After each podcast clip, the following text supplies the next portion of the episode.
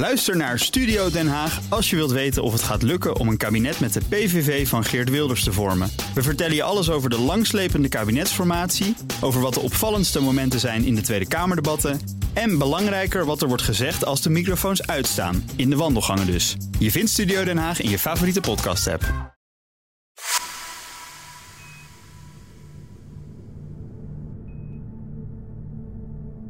Wat was er voor de oerknal? Wat ligt er buiten het heelal? En wat is onze plaats in die wonderlijke kosmos? In deze podcast neem ik je mee naar de grenzen van ruimte en tijd en maak je kennis met de mysteries van het uitdijende universum.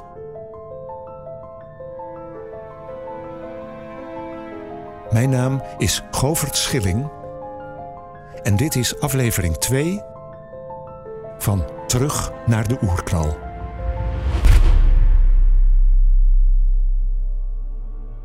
Er zijn maar weinig vragen die zo tot de verbeelding spreken als de vraag naar oorsprong en herkomst.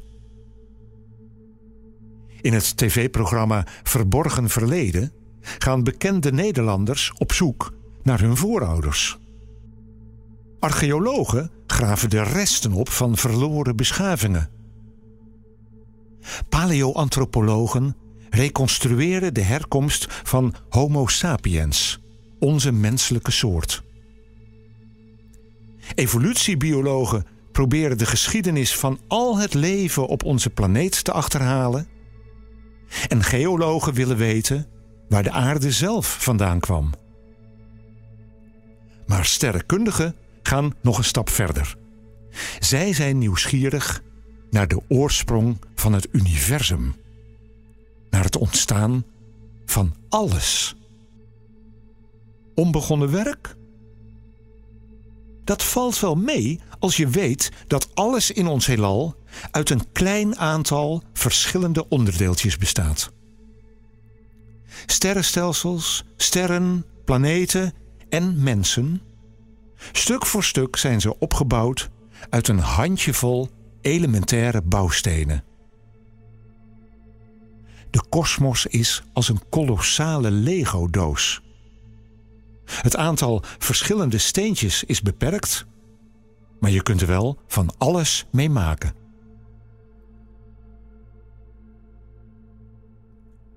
Kleine elementen samenvoegen tot een groots en meeslepend geheel Romanschrijvers kunnen daarover meepraten. Ons alfabet bestaat uit 26 letters die elk voor zich betekenisloos zijn. Maar die letters kun je aaneenrijgen tot miljoenen verschillende woorden. En van die woorden boetseer je een oneindig aantal mogelijke zinnen. Bij elke stap ontstaat er meer inhoud meer betekenis, meer zeggingskracht. En pas als de zinnen een compleet boek vormen, is er sprake van een uniek kunstwerk. En zo is het ook met het boek van de natuur. Een uniek kunstwerk opgebouwd uit betekenisloze bouwsteentjes. Het alfabet waarin dat boek is geschreven telt slechts drie letters. Drie elementaire deeltjes, te klein zelfs voor de krachtigste microscoop. Ze vormen de fundamentele bouwstenen van het universum. Werkelijk alles in de wereld om ons heen is uit die drie deeltjes opgebouwd. Of het nu gaat om raadselachtige quasars aan de rand van het heelal of om de vingernageltjes van een pasgeboren baby. Dat simpele ABC van de natuur bestaat uit de opkwark, de neerkwark en het elektron. Gekke namen die je wat mij betreft meteen weer mag vergeten, want het gaat erom wat je ervan kunt maken. Quarks zijn gegroepeerd in protonen en neutronen. En die vormen op hun beurt weer de bouwstenen van atoomkernen. Hoe meer protonen en neutronen er op een kluitje zitten, hoe zwaarder die atoomkern is. De atoomkern is gehuld in een wolk van rondzwermende elektronen, het derde elementaire deeltje waaruit alle materie in de kosmos is opgebouwd. Hoe zwaarder de kern, hoe meer elektronen er omheen zwieren. En zo bestaan er lichte atomen van waterstofgas, zwaardere van stikstof of aluminium en de allerzwaarste van ijzer, lood of uranium. Als quarks en elektronen de letters zijn waarin het boek der natuur geschreven is, dan zijn de tientallen verschillende atomen de woorden van dat boek. En net zoals je woorden aan één kunt rijgen tot de meest wonderlijke zinnen, zo kunnen afzonderlijke atomen zich samenvoegen tot een enorme verscheidenheid aan moleculen. Simpele verbindingen, zoals water en koolmonoxide, maar ook enorm complexe moleculen zoals DNA, de drager van ons erfelijk materiaal. Niet alle woorden worden even vaak gebruikt. Dat geldt in de taal, maar dat geldt ook voor de kosmos. Een ingewikkeld woord als aansprakelijkheidsverzekering zul je in een roman minder vaak tegenkomen dan een eenvoudig woordje als het of van. Evenzo vind je in het heelal veel minder zware atomen van uranium dan lichte atomen van waterstof. Sterker, het heelal bestaat voor 98% uit de twee allerlichtste atomen: waterstof en helium. Alle andere atomen in de natuur, koolstof, zuurstof, magnesium, silicium, noem maar op, die maken samen slechts 2% uit van het totaal.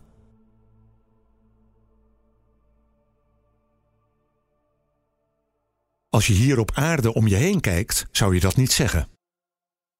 Onze planeet heeft een grote kern van metalen en een dikke mantel van gesteenten. Zware elementen in plaats van lichte gassen. Maar de aarde is niet representatief voor de kosmos. De reuzenplaneten zoals Jupiter en Saturnus bestaan bijvoorbeeld grotendeels uit waterstof en helium. Ook de zon en de sterren zijn daaruit opgebouwd. De gasnevels in de interstellaire ruimte, het is waterstof en helium wat de klok slaat. En dat brengt ons bij de oorsprong van die kosmische Lego-doos. Een fractie van een seconde na de geboorte was het heelal een ziedende zee van losse elementaire deeltjes. Een kolkend inferno waarin kwarks en elektronen rondstuiterden als maiskorrels in een popcornpan. Toen die oersoep afkoelde, voegden de kwarks zich samen tot protonen en neutronen en ontstonden de eerste simpele atoomkernen. Precies, waterstof en helium. Maar verder ging het niet. Want drie minuten na de oerknal was de temperatuur al te ver gekelderd. De kernreacties kwamen tot stilstand en zwaardere atoomkernen konden niet ontstaan. Maar wacht, waar komt het ijzer in het binnenste van de aarde dan vandaan? Wat is de oorsprong van de zuurstof en stikstof in de atmosfeer? Wat is de herkomst van de koolstofatomen in onze spieren en het fosfor in ons DNA? En hoe zit het met zeldzame edelmetalen als zilver, goud en platina? Het antwoord staat in de sterren geschreven en het is het meest wonderlijke verhaal dat de kosmos ons te bieden heeft.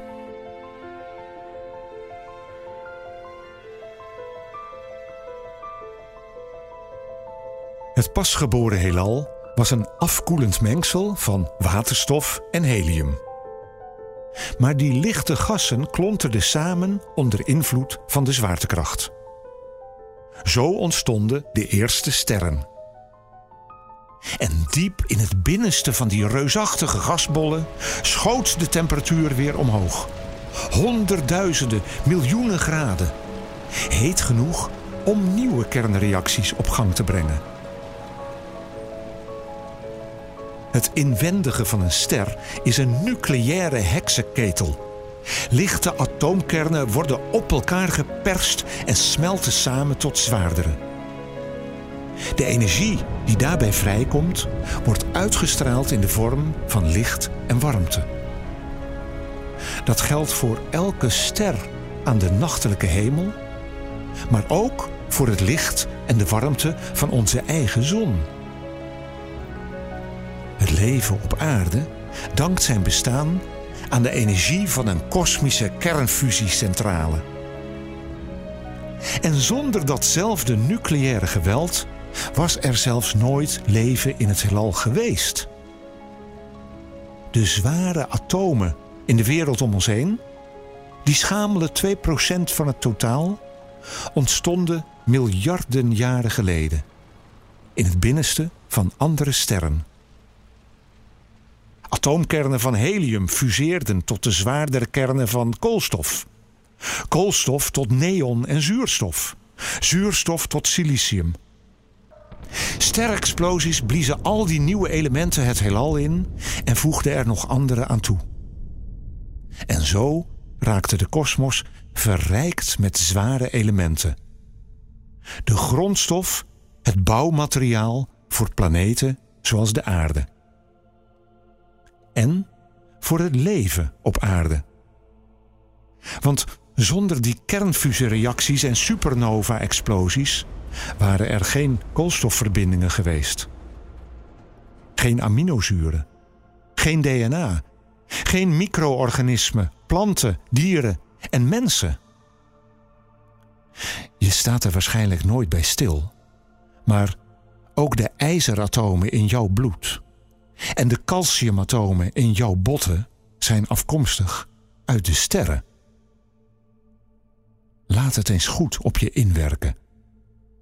Jij bestaat in de meest letterlijke zin uit sterrenstof.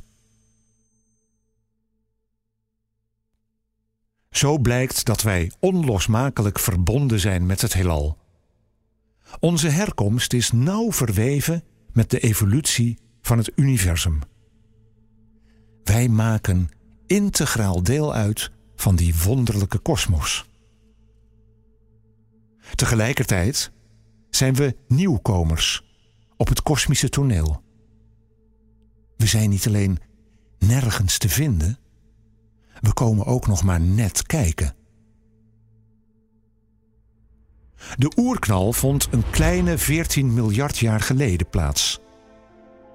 Al snel daarna ontstonden de eerste sterrenstelsels en vloepten de eerste sterren aan. Miljarden jaren lang zijn er sterren geboren en gestorven. Zijn er nieuwe elementen gevormd in het hete inwendige van vele triljoenen sterren. En hebben er sterexplosies plaatsgevonden, waarbij die zware atomen verspreid werden in de onmetelijke ruimte.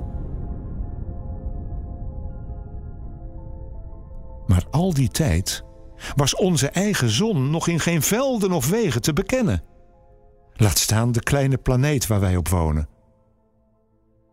Zon en aarde ontstonden pas zo'n 4,5 miljard jaar geleden uit gerecycled materiaal. Een onopvallend sterretje van de derde generatie, vergezeld door een handjevol kleine planeten in een rustige buitenwijk van het Melkwegstelsel. Geboren toen het heelal al twee derde van zijn huidige leeftijd had.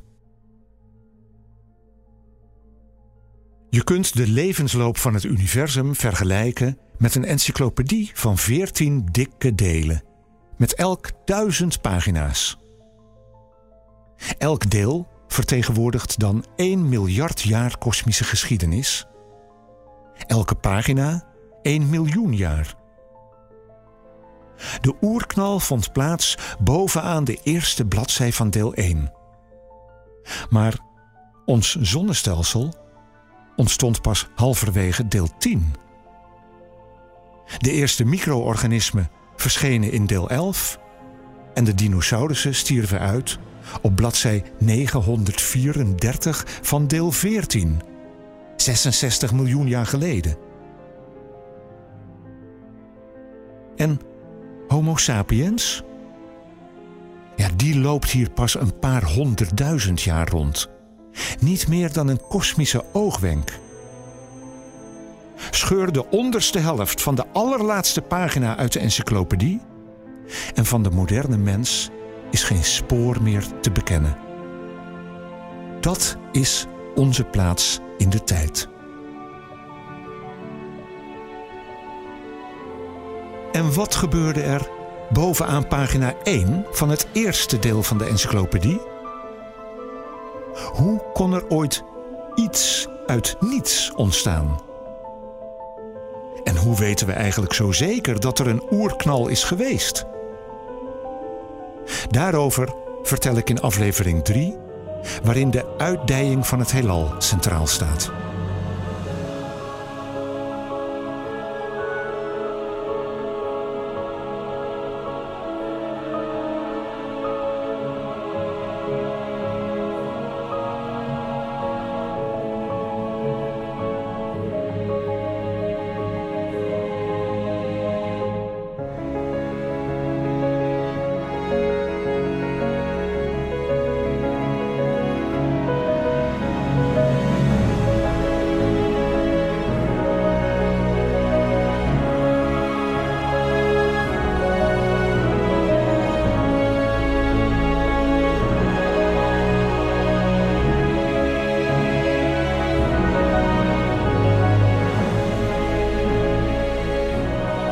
Terug naar de Oerknal is een podcast van BNR Nieuwsradio. Wil je meer horen? Abonneer je dan in de app waar je luistert. En wil je dat meer mensen deze podcast luisteren? Laat dan een recensie achter. Zo wordt Terug naar de Oerknal beter vindbaar voor anderen. Of tip hem aan je vrienden. Dat werkt natuurlijk ook.